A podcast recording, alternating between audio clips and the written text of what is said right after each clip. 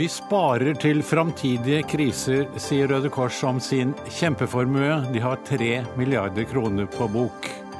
Er ikke krisen i Syria stor nok? To demokrater må forlate Clintons valgkamp etter påstander om valgfusk og oppvigleri, mens Trump ber velgerne sine se opp for, juks. Det er en frykt for at folk ikke vil respektere valgresultatet, sier USA-kjenner. Og norske musikkanmeldere skriver for hverandre i et stadig mer pompøst og uforståelig språk, mener frilansjournalist. Metaforer har alltid vært en del av musikkanmeldelsene, svarer en av anmelderne.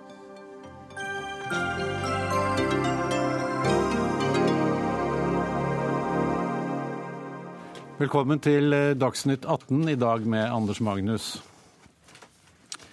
Nylig avdekket eh, Forbrukerombudet at nesten halvparten av boligene gikk 20% eller mer over prisantydning i august hos enkelte meglerforetak.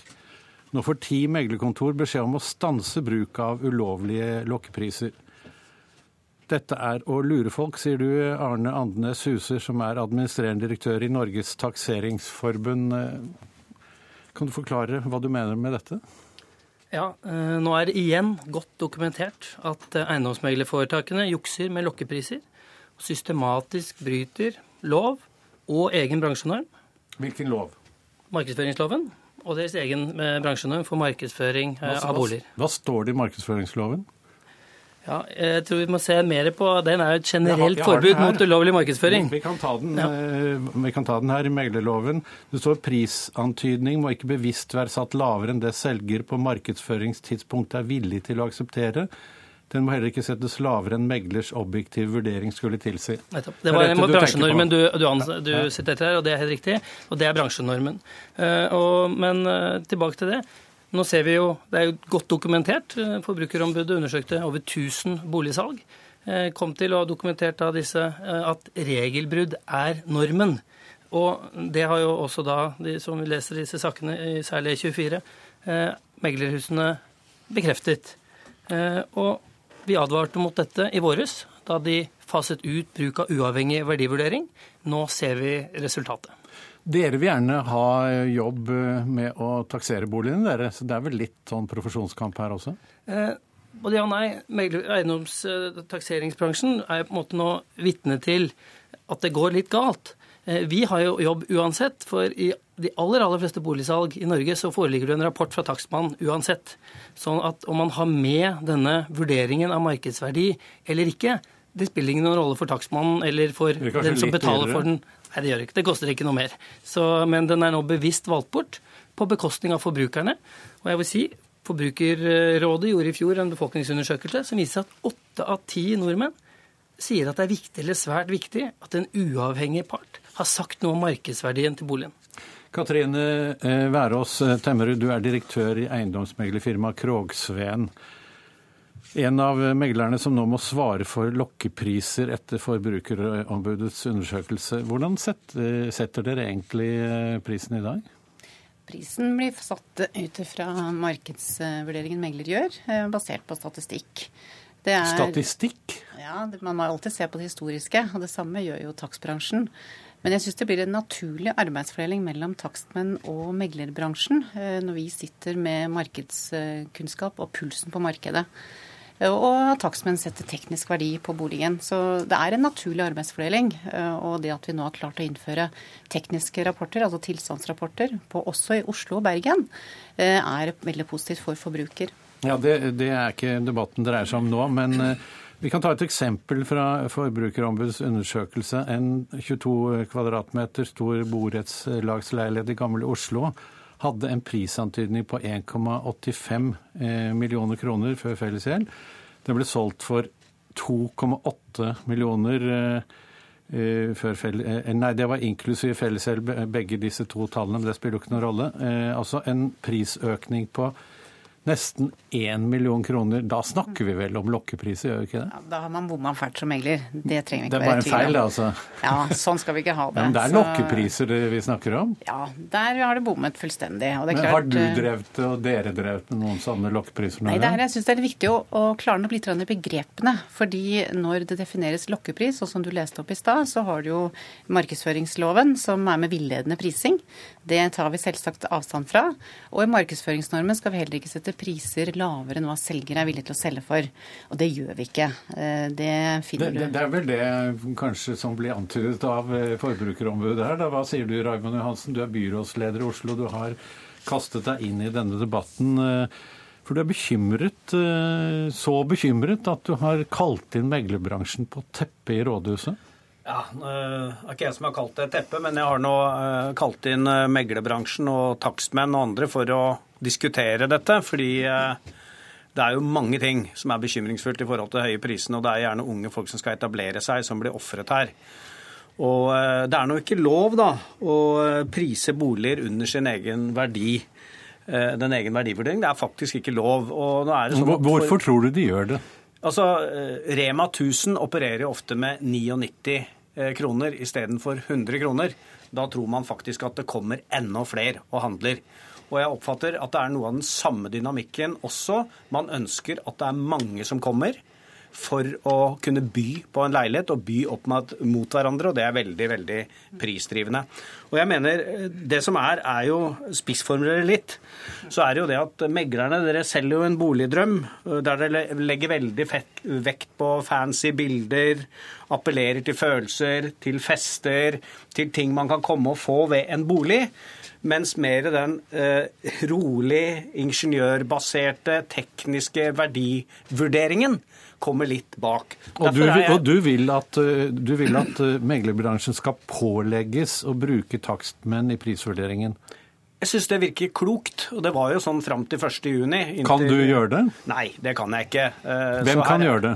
Stortinget kan vel, det er vel de som vedtok at det var mulig for meglerbransjen selv nå å fastsette prisene. Og jeg mener disse beskyldningene og det som kom nå fra Forbrukerombudet om at ti av de store meglerhusene opererer med lavere priser, eller misvisende lave priser, eller lokkepriser om du vil. Eh, Og det i seg selv, så kort tid etterpå, eh, så er i hvert fall det viktig å få den debatten opp igjen. Om vi da burde også ha en verdivurdering basert på den tekniske standarden som boligene faktisk har. Da skal vi bare høre litt. eh, Jeg har lyst til å lese et sitat fra deg, Temmerud. Du sa nylig til E24 det har vært en kultur i Oslo om ikke å annonsere boliger til de høyeste prisene som oppnås i budrunde, men heller gå ut med en pris hvor flest mulig blir interessert. For meg høres det ut som en lokkepris. Nei, det er det ikke. Det er, eh, for å si det sånn, da. eh, Det du skisserer i forhold til å gå ut med feil prising, det tar vi selvsagt avstand fra. Men det bransjen- sitatet, ta det sitatet ditt. Det, det du sa der, høres det ut som man bruker lokkepriser? Nei, Jeg vil ikke si det. Hvis du selger en bolig, og det er mange på visning og en hektisk budrunde, og det er investorer, det er folk med kapitalsterke mennesker, og det er jo sånn som markedet er nå, så er det en budrunde, og du ender opp kanskje på en pris på 4,3 millioner med to budgivere. Eh, Er det da riktig å gå ut med 4,2 millioner, eller skal man gå ut med en pris som er mer gjengspris, la oss si eh, rundt 4 millioner? Eh, Avviket er for stort i Oslo, eh, men det vi snakker om i forhold til lokkeprisproblematikk, er Oslo sentrum. Eh, Og Det er som følge av den sterke prisveksten som har vært, tilflytning, for få boliger og lav rente over lang tid. Bare siden mars, Norges Bank eh, senket eh, renten sin, så har vi fått en årstakst på pris, eh, prisveksten nå på 3-24 Det var ikke det meglerne har tatt høyde for, og heller ikke økonomer eller andre analytikere. Og Med den bakgrunn så er det klart at vi innrømmer at vi har bommet på prisfastsettelse i Oslo. Men derfra til å kalle at vi bevisst går ut med lurepriser og lavere pris enn hva selger er villig til å akseptere, det er det jeg ønsker å poengtere. Tror du, Huser, at eh, de bare har bommet? At dette ikke er et bevisst forsøk på å underprise i forhold til markedet? Nei, jeg tror ikke det. Jeg tror dette er en, en helt naturlig følge av hvordan dette systemet er lagt opp. Eh, Jeg syns det er flott å høre at, at eh, representanten for Kroksveien her sier at dette er de opptatt av å, å løse opp i. Men det har de også vært før. Og jeg tror at nå viser historien og den utviklingen som har vært, at dette kommer de ikke til å klare å rydde opp i selv. Så der må politikerne inn? Ja, jeg tror det. Og her er, her er tror jeg, Raymond Johansen skal vi tro de undersøkelsene som er gjort, og skal vi tro de henvendelsene som vi og våre medlemsbedrifter får eh, rett, så tror jeg Raymond Johansen er den her ved bordet som er mest i takt med, med, med folkemeningen akkurat i, eh, på dette punktet.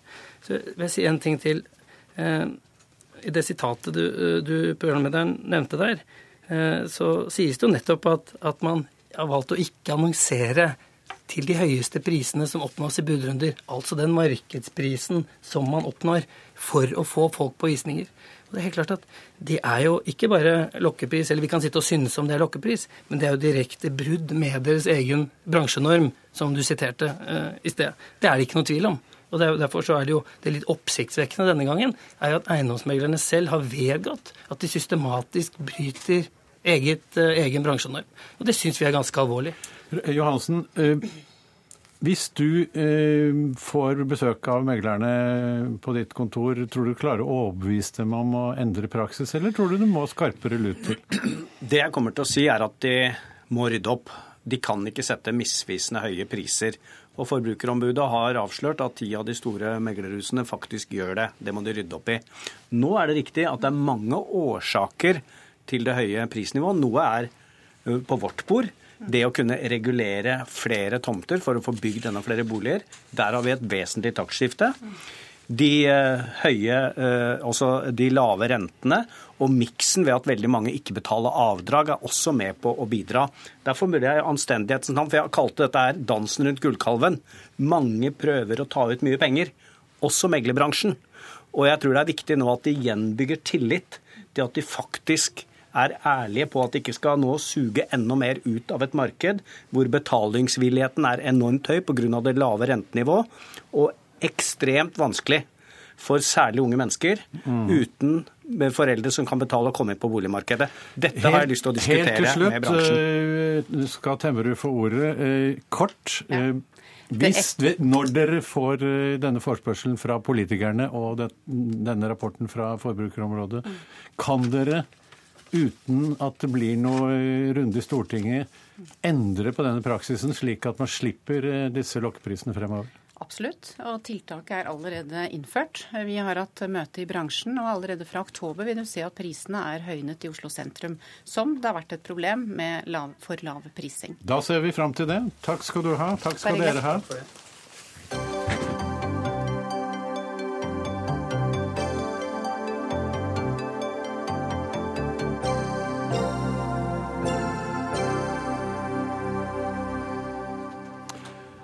På søndag kommer bøssebærerne rundt på dørene for å samle inn penger til TV-aksjonen. Og i år så er det Røde Kors som skal få de ganske mange millionene som kommer inn. Burde, eh, det er kanskje 230 millioner som blir samlet inn på søndag.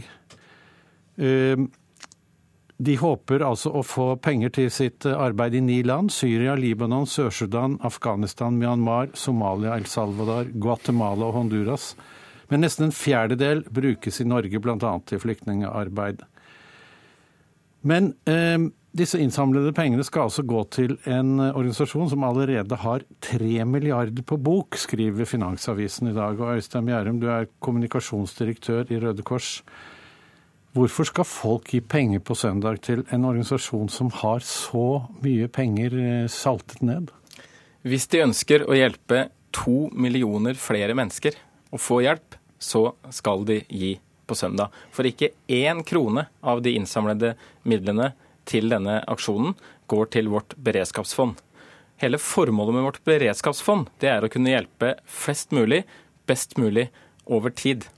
Eh, ja, det skjønte jeg ikke helt. Altså, disse tre milliardene de mm. dere kaller beredskapsfond. Mm. Da må du fortelle meg, Dere får jo avkastning på dette beredskapsfondet. Mm. Hvor mye fra det fondet går til drift av distriktskontor eh, og slikt i Norge, og hvor mye går til eh, krigsofre ute? Mm. Vi eh, tar ut 90 millioner hvert år som en avkastning fra dette fondet. De pengene bruker vi der vi mener de trengs aller mest. Så det går både til aktiviteter her hjemme som myndighetene f.eks. ikke eh, støtter, hvor vi da trenger å bruke egne midler, som f.eks. til arbeidet mot ensomhet. Besøksvenner bruker vi eh, noe av eh, midlene på. Og Det går også til eh, humanitært arbeid der ute, hvor vi enten ikke får eh, støtte fra Utenriksdepartementet eller ikke har innsamla midler. Så Det er en vurdering vi gjør løpende hvert år, hvor vi mener behovet er størst, og ikke det gir oss en uavhengighet, slik at vi ikke bare er avhengig av offentlige myndigheter eh, eller andre. Ja, jeg la merke til at du hadde ikke noe fordeling på dette her, men en, en tidligere ansatt hos dere forteller til meg at i min tid så gikk det dobbelt så mye til lønninger og visse aktiviteter i Norge enn til utlandet. Da vil jeg gjerne det, be programleder de, og, dokumentere den påstanden. Og, ja, dette her er sitat fra en som har eh, jobbet hos dere. Mm. og Han sier også at eh, mesteparten av det som gikk til utlandet, var egenkapital eh, i, i prosjekter som for øvrig finansieres av Norad. At det ikke nødvendigvis var nødhjelps penger. Men FN har nå bedt om 70 milliarder kroner til Syria i nærområdene. Kunne dere ikke bruke litt mer av penger der, når dere har så mye penger? Jo, og vi bruker... Dette er jo kjempekrise. Ja, uten tvil. Og derfor bruker vi mer penger eh, i Syria. Men hvor mye da? Ja, jeg har ikke, vi, bruker mange hundre millioner hvert eneste år i Syria. Ja, Men det er jo penger som det... kommer fra den norske stat, og som dere har samlet inn nå. Det er ikke penger fra dette fondet? Det er både eh, egne midler, altså vi tar jo ut en avkastning fra dette fondet, men hele formålet med dette fondet det var når Røde Kors hadde spilleautomater, så la de seg opp noe penger. Det ble det slutt på i 2007. Da stilte man seg spørsmålet hvordan kan vi hjelpe flest mulig, best mulig over tid. Og Da fant man ut at den aller beste måten å gjøre dette på, var å opprette et slik beredskapsfond, hvor man hvert eneste år kan ta ut midler. Og så er det én viktig ting til med det fondet. Det gir oss en helt unik mulighet til å rykke ut ved katastrofer. Når du har et jordskjelv som du hadde i Nepal, eh, katastrofen på Filippinene osv. Da kan vi sende feltsykehus med en gang. Vi trenger ikke å vente på saksbehandling i Utenriksdepartementet eller Men vurdere hvordan tre milliarder til det, og dessuten har dere jo fått dekket alt dette av eh, myndighetene i ettertid. Men det, ja, men det vet vi aldri. Når vi sender, så vet vi aldri hvordan okay. Eh, inndekningen vil gå. Så dette gir oss en helt unik mulighet til å kunne redde liv hvert eneste år. Kristian Tybring-Gjedde, du er stortingsrepresentant for Fremskrittspartiet og medlem av utenriks- og forsvarskomiteen. Hva synes du om at, eh, at man har en organisasjon som har så mye penger på bok, og ikke bruker dem til de som trenger det mest? Når jeg leste det i dag, så trodde jeg nesten ikke mine egne øyne når jeg så det som eh, sto der. At, eh, at en eh, hjelpeorganisasjon har mer egenkapital enn nesten alle bedrifter i Norge. Det er vel bare Statoil som har mer egenkapital enn det. Altså, for meg er det helt ubegripelig. Dette er penger som er innsamlet av det norske folk. Det er skattebetalerne som har finansiert dette. Og så er det altså under dekke av at dere skal hjelpe fattige mennesker i verden og syke mennesker i verden. Og så gjør dere altså ikke det, men dere beriker organisasjonen og lever på avkastningen av disse pengene. Det er ikke det som er intensjonen med disse pengene.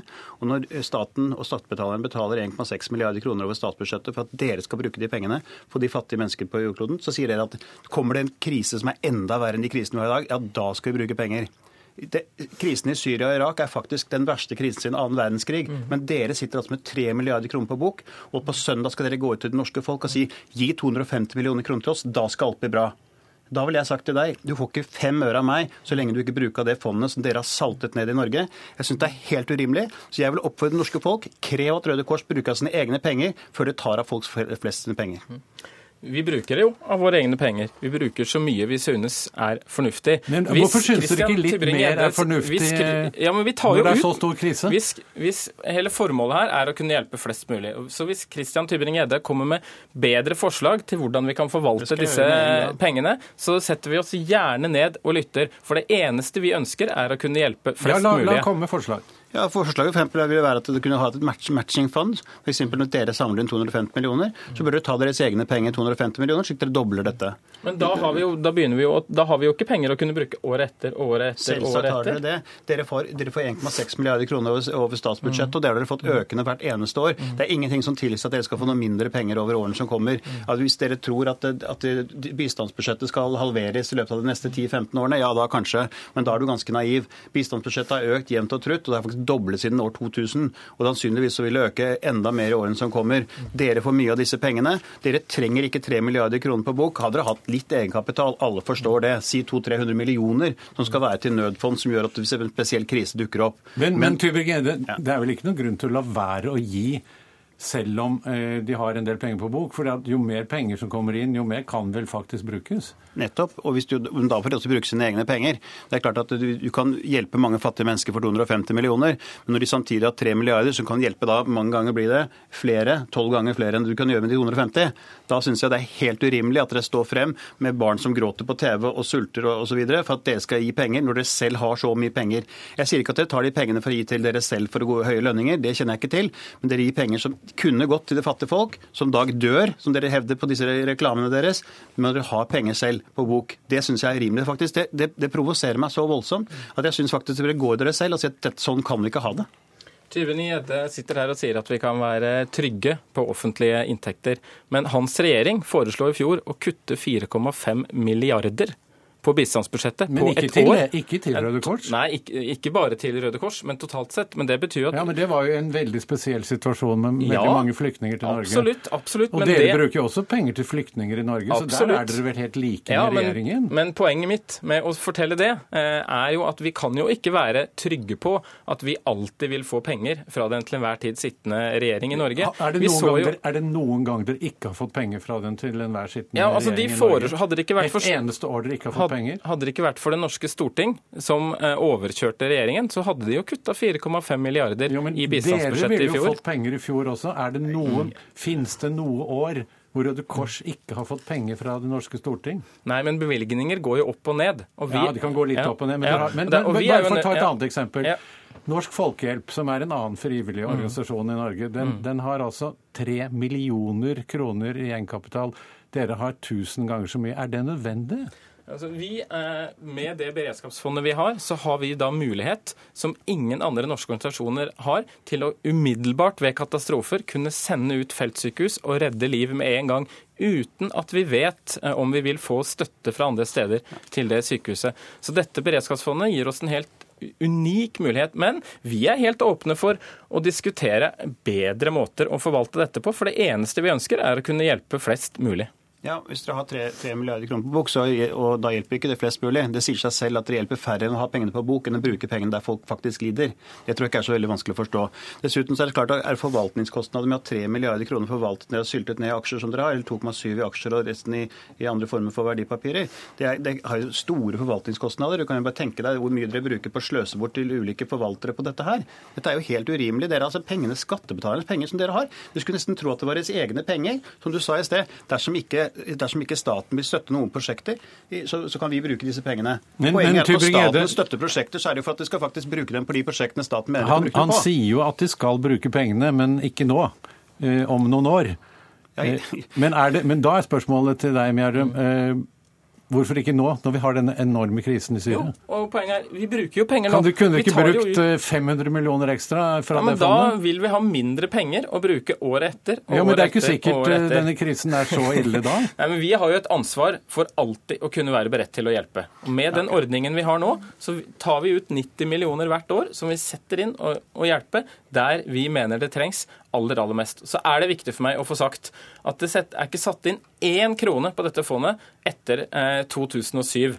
Det er ingen innsamla midler som går inn til dette fondet. Det er ingen offentlige midler som går inn til dette fondet. Dette var oppsparte midler fra spilleautomatene, som vi nå bruker hvert eneste år til å hjelpe enda flere mennesker.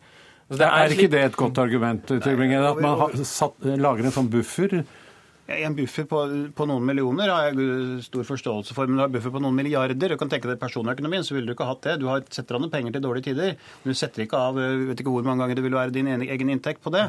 Altså, og så snakker du om spille, spilleautomater. Ja, er altså, spille, folk som har spilt på, på, på, ulike automater, som har finansiert dette ja. med, god, med Røde Kors-spill på, altså gitt halvparten av inntektene til Røde Kors. Ikke for at dere skal sette det til i, i banken og ha dyre forvaltere til å forvalte pengene.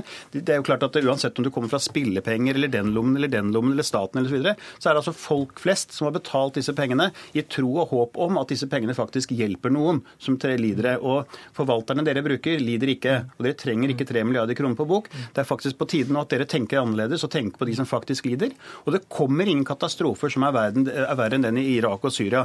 Pek på den katastrofen som gjør det. Da kan jeg love deg at da raser aksjemarkedene også hvis sånn katastrofe kommer. Og da har dere ikke disse pengene lenger. Nei, altså aksjemarkedet går jo opp og ned. og Det er jo derfor det også er veldig farlig for oss å begynne å tappe av dette fondet. Da vil vi jo ikke ha penger å bruke neste år. Ja, men Kanskje man skal bruke det før aksjefondet går ned? ja, altså Vi er åpne for å diskutere ulike løsninger. For det eneste vi ønsker, er å hjelpe flest mulig på en best mulig måte. Og da er vi avhengig av å forvalte disse eh, oppsparte reservekapitalen på en best mulig måte. Og Hvis Tybring-Gjedde har gode forslag til hvordan vi kan hjelpe enda flere mennesker framover eh, med dette beredskapsfondet, så setter vi oss gjerne ned og snakker med Tybring-Gjedde. Da kan dere gå ut og sette dere ned med en gang, for han hadde et forslag til dere. Takk skal dere ha for at dere kom i studio.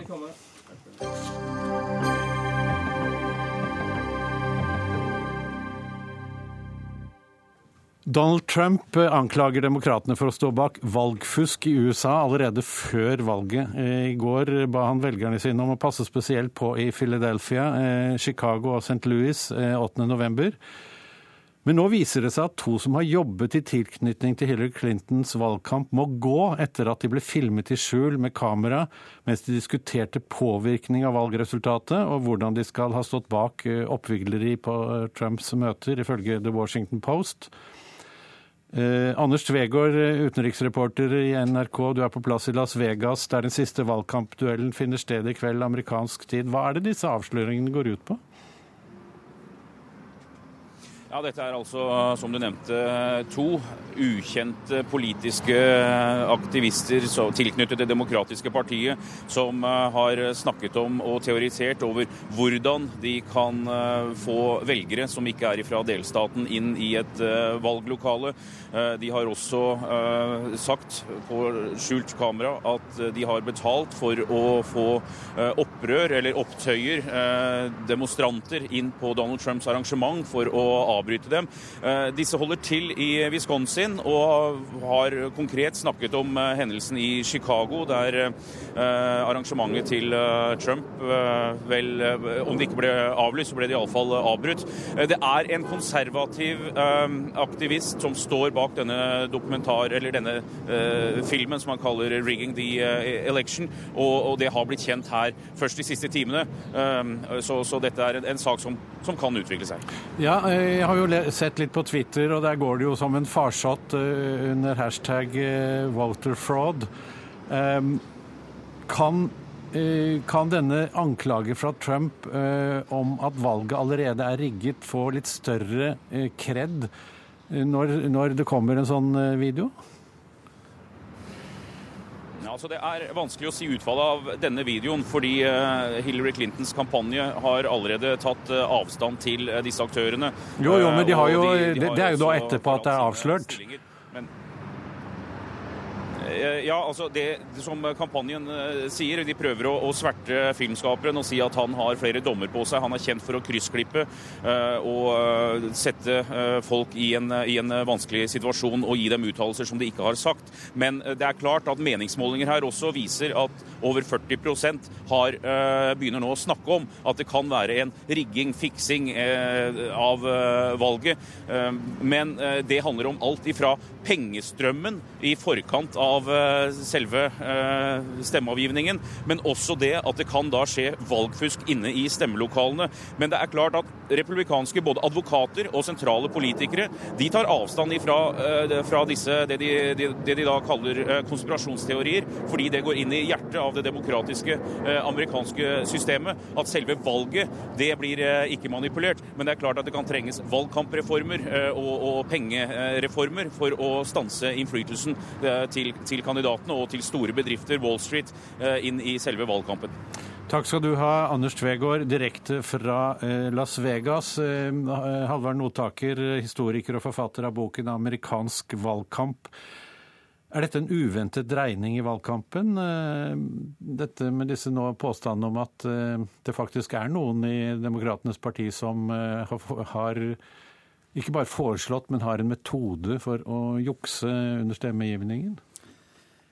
Jeg tror i hvert fall det er riktig å ikke ta helt av. Han som har laget filmen, har nok fortjent den tvilen han blir møtt med. Han, han har han er blant annet, han har kjent seg selv skyldig i å bryte seg inn på kontoret til en senator for å tulle med telefonen hennes, f.eks. Og han har, som vi hørte, klippet ting nokså friskt før. Så det betyr jo ikke at denne filmen ikke viser noe som er reelt i de miljøene hvor den er tatt opp. Også skurker kan uh, avsløre andre skurker? Også en skurk kan filme en annen skurk. Men, men uh, jeg vil ikke sett Dette er ikke snakk om uavhengig gravejournalistikk som gjøres av uh, en person som har lyst til å bli den neste som oppdager Watergate. Dette er en aktivist, og vi må på en måte være ekstra kritiske til hva filmen viser. Men så er det, har vært, det har jo vært uh, få store amerikanske medier utenom uh, Washington Post som har gjengitt disse påstandene ja, også. Og det er jo fordi at man, de ikke kan selv verifisere at dette er det det utgir seg for å være.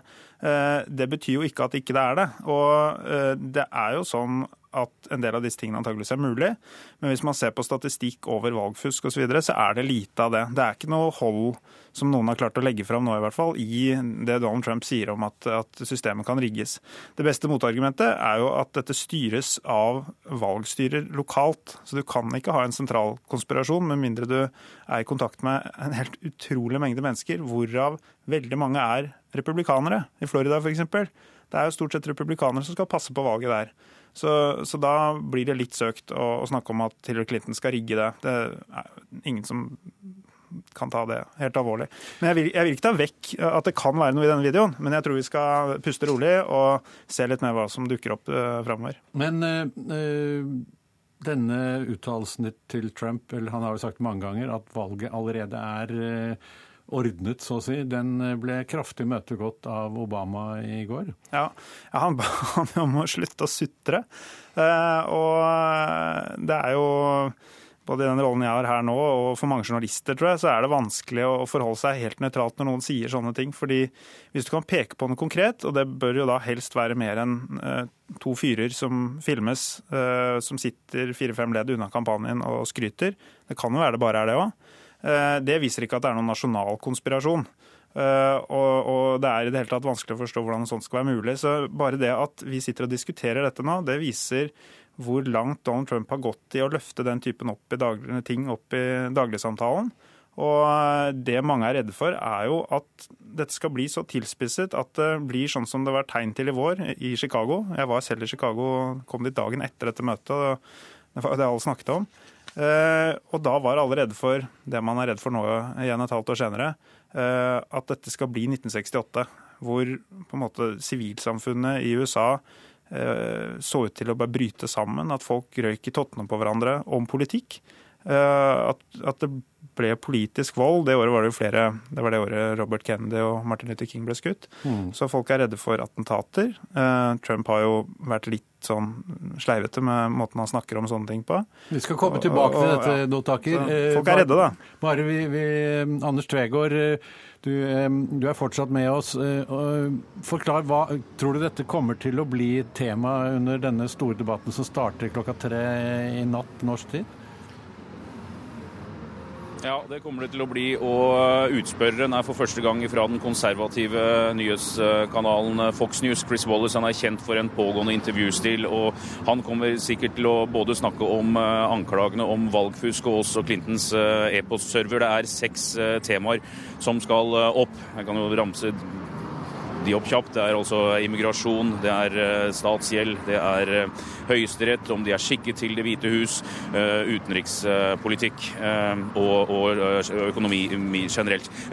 Det, det som Notaker også sier som er interessant med alle disse forskjellige valgene Presidentvalget er et valg i 50 forskjellige delstater, men det bestemmes også lokalt hva slags identifikasjonspapirer stemmer de som kommer og stemmer, skal ha, hva som godtas. Og det er totalt 14 000 valgdistrikter som eh, har forskjellige regler. Og, og der kommer dette her med, med, konspirasjon inn, at det er veldig vanskelig å skulle kjøpe eh, argumentet om at dette er eh, sentralt manipulert. Notaker, du var inne på 1968 og voldsbruk.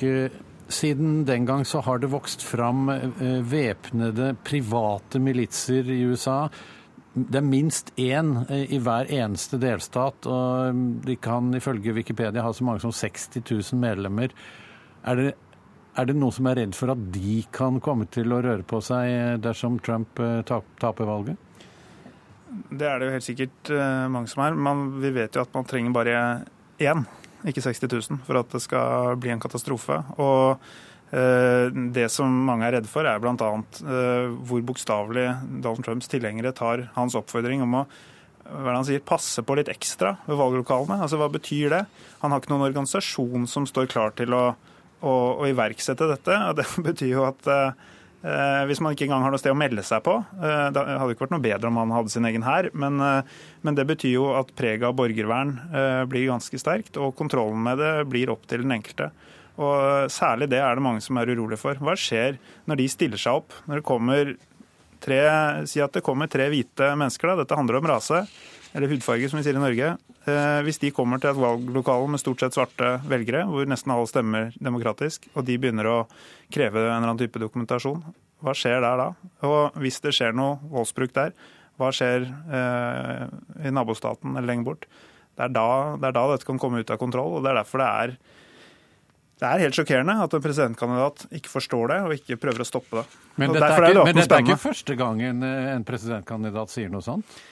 Det er vel første gangen han gjør det til en nøkkeldel av valgkampen sin. Jo, sier men, at men, her kommer jeg til å bli lurt. John McCain sa nesten det samme i 2008. Ja, Da hadde man den Acorn-skandalen såkalt, hvor, hvor, den samme eh, videoskaperen som vi snakker om i dag, også hadde tatt opp en video. Eh, og Da ble det også snakket om dette. Men eh, John McCain oppfordret ikke folk til å drive borgervern, og han prøvde jo etter hvert å taue inn igjen det han så at han sammen med Sarah Palin hadde sluppet løs og tok til orde mot sine egne tilhengere. Når de snakket om sånt, så sa han nei, nei, nå må vi ta det rolig. Jeg er bare uenig med Obama. Vi er ikke fiender. Mens det vi ser at Donald Trump gjør, er å ignorere det. Visepresidentkandidaten hans han har vist litt mer evne til å si nei, nei, du må bare gå og stemme. Vi skal ikke lage revolusjon. Eh, men der står vi, at man må si sånne ting. Takk skal du ha. Eh, eh, Halvard Notaker, og takk til Anders Tvegård i St. Louis. Så blir det spennende å følge denne debatten i natt.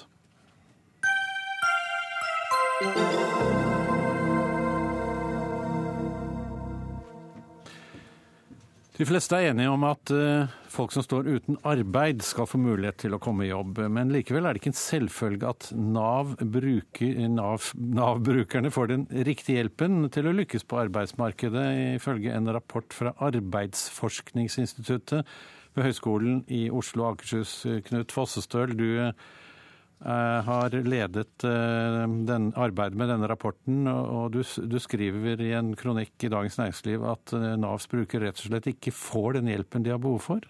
Hvorfor virker det ikke? Nei, Det er jo det store spørsmålet, og jeg har egentlig ikke et fullgodt svar på det. Men det vi, liksom, det vi har sett på, og som er en veldig sentral problematikk, det er at det er, noen, det er noe med måten tiltakssystemet styres på, som på en måte får uh, veldig store konsekvenser, og som gjør at egentlig verken brukernes behov eller liksom kunnskapen om effekter av tiltak får den betydningen som det burde ha i Nav. Er det slik at uh ledelsen setter noen mål som egentlig kanskje ikke helt passer til de brukerne man har f.eks. på det kontoret. At man har en pakke med tiltak, og så er det kanskje én som passer der, men så skal man samle opp flere for å passe inn? At brukerne blir tilpasset tiltakene istedenfor omvendt?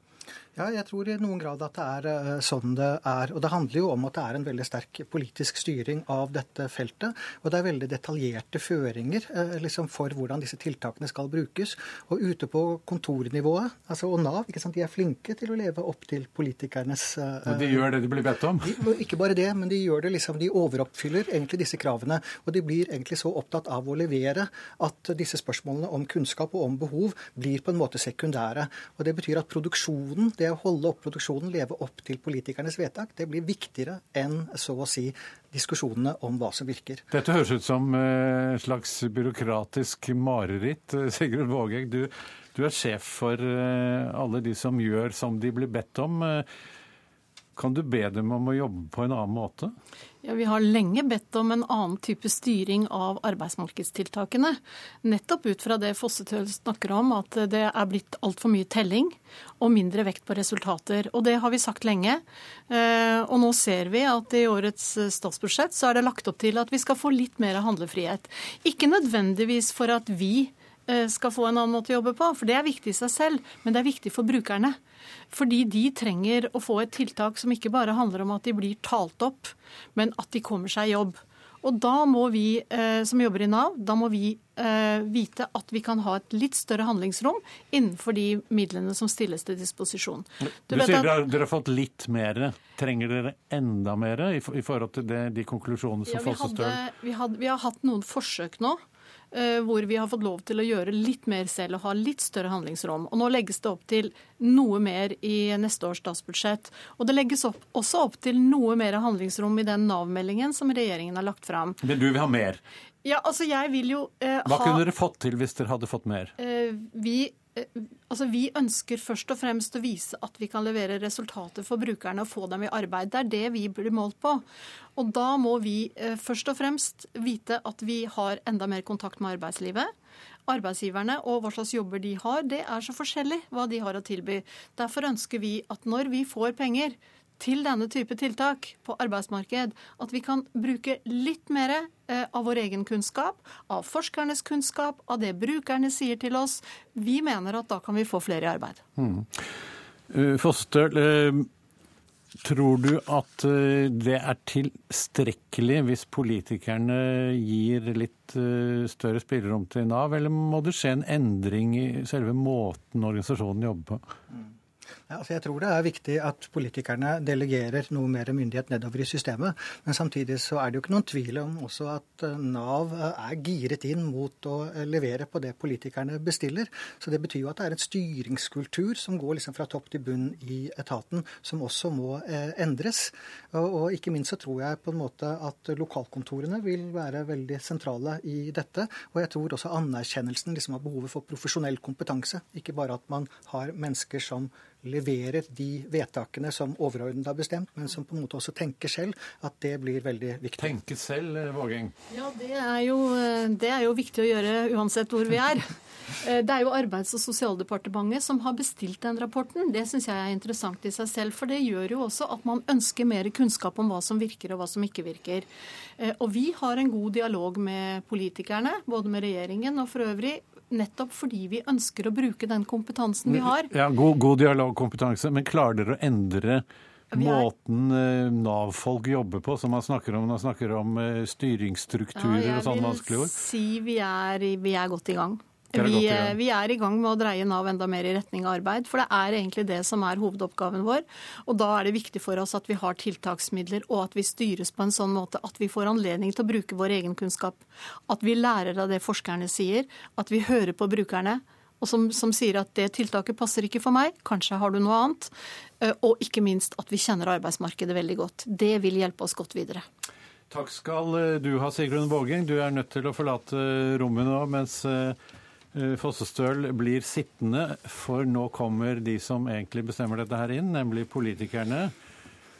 Eh, Anniken Hauglie, arbeids- og sosialminister, og Dag Terje Andersen, nestleder i arbeids- og sosialkomiteen for Arbeiderpartiet. Først Hauglie, nå har du fått denne rapporten.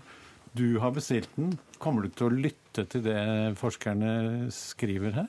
Ja, eh, absolutt. Eh, og denne rapporten er jo også, bekrefter jo også det som eh, ekspertutvalget presenterte for oss i fjor, som var ledet av nettopp Sigrun Vågeng at Nav var for eh, toppstyrt, at det var for rigid, at det var for lite handlingsrom eh, ute. Og det var det vi også fulgte opp i den stortingsmeldingen som vi la fram for Stortinget før sommeren, og som nå ligger til behandling i, i sosialkomiteen. Det som var, var, mye som, Vi fikk mange gode tilbakemeldinger på den meldingen, ikke minst fra ansatte selv. Eh, og når vi la fram budsjettet nå, så har vi også fulgt opp meldingen ved å nettopp løse opp i styringen av Nav. At vi skal telle mindre på aktivitet, mer på resultater. At vi skal delegere mer makt og myndighet nedover i eh, organisasjonen og sørge for at eh, at eh, Nav gjør mer av det som vil tjene brukerne, som er bra for brukerne, og tenker litt mindre på oss politikere. Du bruker veldig ofte ordet 'litt' og 'mer'. må det ikke til en mye større endring enn bare litt? Ja, det er faktisk en ganske stor endring vi får. Vågeng nevnte at nå var det gjort litt, men hun ønsket mer. Ja, eh, og det kan jeg godt forstå. Men, men eh, den meldingen som vi la fram for Stortinget for sommeren, og som nå er til behandling, og også budsjettet som vi har lagt fram nå, det markerer et ganske markant skifte i hvordan Nav skal eh, styres framover. Det er et tydelig taktskifte i hvordan vi skal styre. Jeg mener jo at, at Nav skal få delegert mer myndighet, at man skal styre mindre på aktivitet. At tidligere har man vært mer opptatt av å putte folk på tiltak enn å være sikker på at tiltaket faktisk i, vil føre til at folk kommer seg i jobb. Og jeg håper også på at eh, Stortinget slutter seg til de hovedtrekkene som regjeringen legger opp til. Jeg tror det vil medføre et betydelig bedre Nav. Det vil være mindre rigid eh, styring. Eh, det vil være mer handlefrihet og mindre detaljert regelverk som den ansatte bruker mye tid på å orientere seg i. Takk, Terje Andersen. Eh, du er i opposisjonen eh, for Arbeiderpartiet. Er du fornøyd med det Hauglie sier nå? Eller? Jeg er ikke minst fornøyd med den rapporten som kom, men jeg kan fortelle deg det, og det tror jeg statsråden husker, at den dagen hun ble utnevnt, eller vil si den første dagen jeg hadde anledning til å gratulere med utnevnelsen, så var en av de tinga jeg sa til henne som leder for opposisjonsfraksjonen, eller fra Arbeiderpartiets fraksjon i opposisjon, så at eh, det er åpenbart at det er en del ting vi trenger å gjøre med Nav, og vi kommer ikke til å stikke kjepper i hjula for det. Eh, og en av de tinga jeg da nevnte, var nettopp det at det er kanskje et resultat av god vilje eh, i politikken, men allikevel altfor mange detaljerte ordninger. Eh, vi starta med den eh, jobben når vi satt i, regjering allerede, med å innføre arbeidsavklaringspengene, som var en sammenslåing av tre forskjellige tiltak. Og der er der er en linje jeg mener vi, vi må gå videre på. Jeg har sjøl vært statsråd på dette området og sa bestandig til fylkesdirektørene vi hadde møte, at husk på det at det er lov å bruke huet. Men det har jo, men hvis, hvis politikerne setter sånne detaljerte krav, som, ja, som jo skjedde i din tid også. Eh, det, dette systemet er jo utarbeidet av eh, din regjering. så så, så, er jo byråkratene de er lojale. De gjør det de blir bedt om. Og Nettopp derfor så er det viktig at eh, Og det her gjelder jo særlig den, kan si den tidligere arbeidsformidlingsdelen av Nav. ikke sant? Og det jeg er veldig opptatt av der, er f.eks. Det, det vi har sett på Nav Hadeland. De har hatt et prosjekt eh, der de har ansatt en del folk som har veldig god kjennskap til næringslivet. Det er alt fra bilselgere til folk som har jobba i lokalt næringsliv, som kjenner næringslivet og på den måten er veldig gode til å formidle. Altså få folk inn i en eh, jobbsituasjon. Eh, når statsråden nevner oppfølginga nå av stortingsmeldinga og statsbudsjettet, så er vår fremste kritikk i forhold til det ikke at Nav får mer handlingsrom, det er vi altså enig i at Nav trenger, men at det i liten grad følges opp med virkemidler. Eh, for det er klart Hva slags virkemidler da? Eh, tiltaksplasser f.eks. Eh, vi mener f.eks. Skal det angis noe antall og sånne ting, eller er det Ja, det gjør det jo. Altså, ja. det, det er ikke det noe av problemet? Nei, nei, at det blir bevilga mye penger til tiltaksplasser, det, det, er ikke et problem. Det tror jeg vi er enige om, og det skal være en ramme for det. Men vi mener f.eks. at vi kan jo, vi, satse spesielt Bare ta dette med tiltaksplasser. Ja. Altså Hvis du har eh, gitt eh, så og så mye tiltaksplasser fra Stortingets side, så vil jo byråkratiet i Nav følge opp dette og, og, hente inn så å si brukere til å, sånn at de får nok til tiltaksplasser, selv om det kanskje ikke er akkurat det virkemidlet man trenger overfor den brukeren? Nei, men det er mange forskjellige tiltak innenfor tiltaks, uh, antall tiltaksplasser. og Vi trenger å bevilge mye penger til tiltak. Vi trenger å bevilge mer penger til tiltak, men vi trenger altså at Nav-veilederen, uh, eller den som jobber med saken der ute, har rom til å være kreativ for å bruke de pengene på en måte som gjør at folk faktisk kan uh, komme i jobb. Mm. Vi ser f.eks. nå dessverre at antall unge arbeidsledige øker, og antall unge som blir permanent utenfor arbeidslivet øker. Det er en forferdelig utvikling.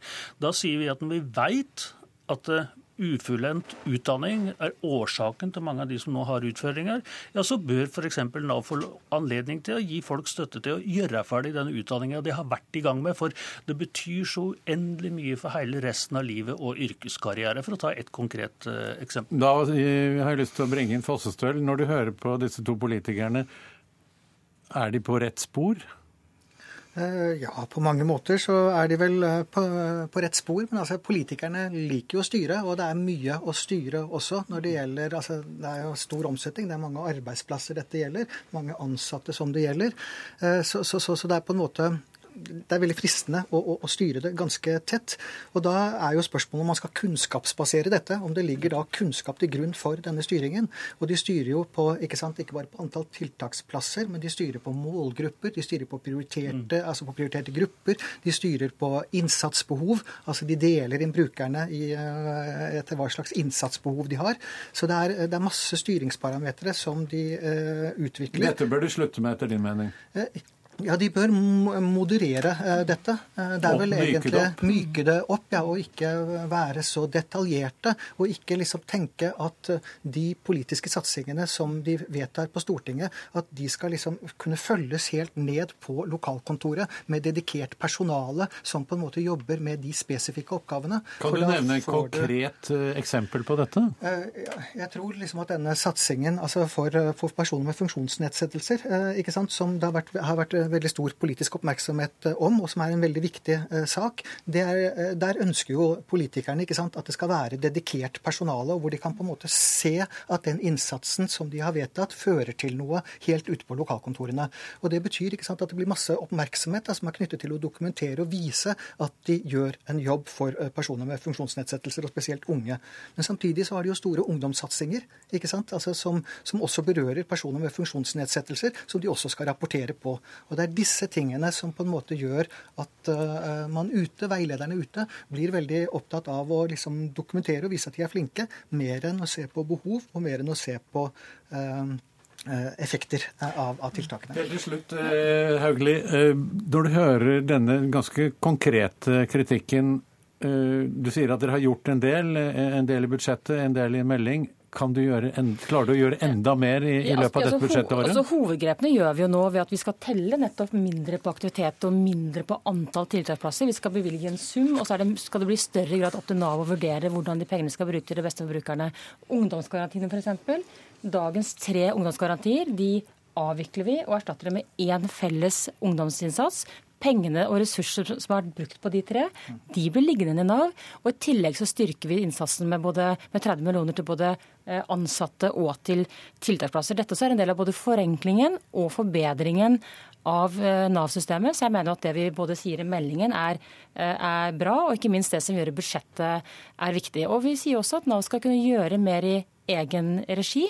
Eh, fordi da tror vi også at brukeroppfølgingen blir mye mye bedre enn det som er i dag. Men det, er mange, det er for mange regler og for mange ordninger i systemet i dag som vi nå både fjerner og løser opp i. Og det vil jo sum gjøre at Nav vil fungere bedre i møte med brukerne. For det er jo det, brukernes behov. Hva er det som får dem i jobb, som skal være retningsgivende for, eh, for Nav. Og så får Dag Terje Andersen og jeg eh, være litt mindre opptatt av å, å aktivitetsstyre Nav på detaljer. Takk skal dere ha for denne debatten, og kanskje det blir en endring i Nav i forhold til hva forskerne har kommet fram til at det bør være.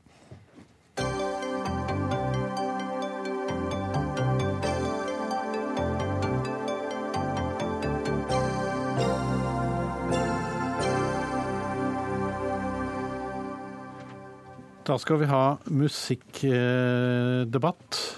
Ehm, Norske musikkanmeldere eh, skriver for hverandre i et stadig mer pompøst og uforståelig språk, mener en frilansjournalist. Eh, eh, og da skal vi sitere litt her. Og da lurer jeg på om våre seere og lyttere forstår hva dette betyr.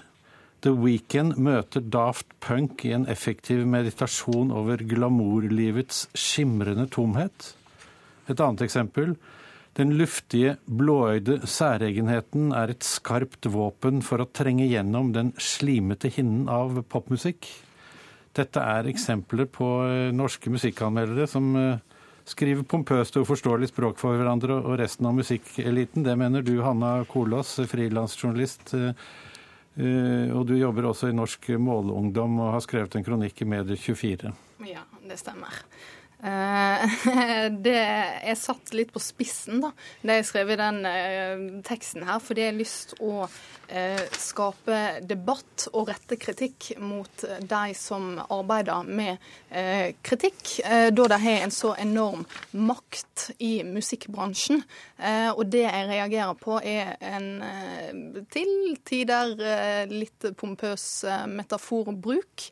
Eh, som ikke nødvendigvis tilfører teksten noe utover et par ekstra tegn. Jeg mener du at disse metaforene hindrer oss i å forstå mer om musikken?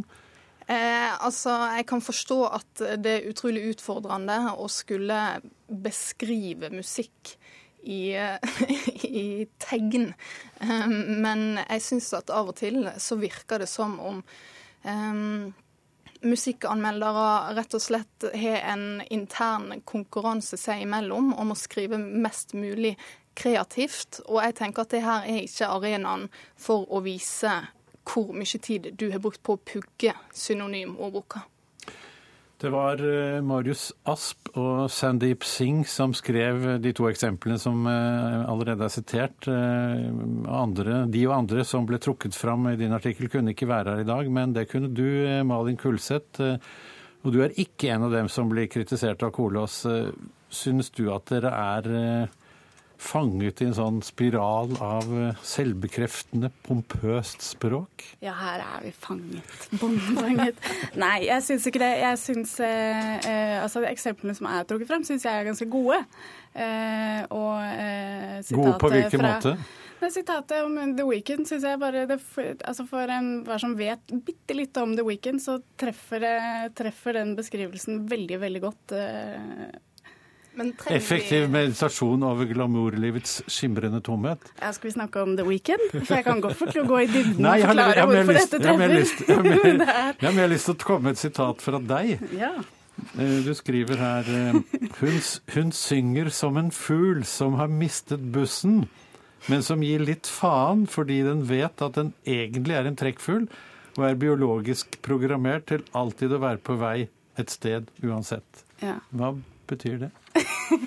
Nei, Dette handler jo da om Lana Del Rey, og da vil jeg egentlig bare si det samme. Det er, ikke, det er liksom ikke en metafor, det er en ganske treffende beskrivelse av hvordan, eh, hvordan Lana Del Rey synger. Men det forutsetter jo at man er, har et minimum av interesse for artisten. Som en fugl som har mistet bussen? Ja, hun synger som en ja. Eh, hvordan synger en fugl som har mistet bussen? Du har, tenk deg bare, du må sette deg inn i følelsen av å miste bussen, da. Skjønner du dette her, Kolås? Skjønner du metaforene? Ja. Eh, akkurat den der. Eh, jeg syns det er kreativt. Jeg syns det er kjempefint. Og journalister skal jo bruke språklige bilder. Men jeg tenker at det fins en grense der. Eh, sånn at det rett og slett grenser til, ja, til parodier, da. Og at det i noen tilfeller så er det her veldig lite lesevennlig. Og det er vel egentlig det som er det viktigste. Mm. Du, men du, du sier at de skriver for hverandre. Tror du det er hoved... Eller kan jeg spørre deg som skriver disse anmeldelsene.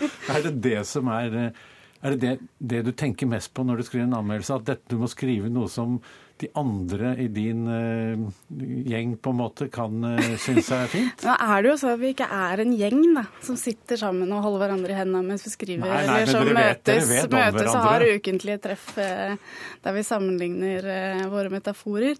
Men, men, nei, jeg skriver absolutt ikke for andre anmeldere. Og jeg er helt ærlig talt ikke Jeg leser ikke så veldig mye andres anmeldelser heller, nettopp for å unngå å ende opp med å liksom si det samme som alle andre. Um, så nei, jeg tror, jeg tror, det er veldig få anmeldere som skriver først og fremst for andre. Men det er jo, som, som Kola sier, det er, det er, en utfordring å skulle beskrive musikk. Ja, for det er jo ikke nødvendigvis eh, språklig, dette her. Det er følelser. Det er følelser. Eh, Elvis Costello sammenlignet en gang musikkanmeldelser med å danse til arkitektur.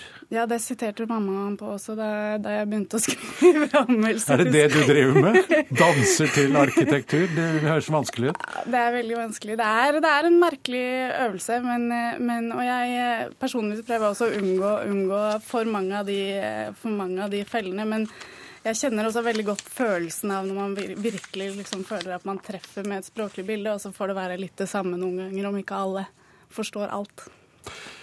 Uh, Hanna Kolås, uh, Etter at du kom med denne artikkelen, tror du de kommer til å lytte til deg? Nei, eh, det tror jeg ikke. Jeg ser fram til eh, desto flere pompøse eh, eller pompøs retorikk. Og Kreativ, pompøs retorikk. Da må vi avslutte sendingen. Ansvarlig var Ida Tune Øresland, teknisk ansvarlig Finn Lie, og jeg i studio heter Anders Magnus.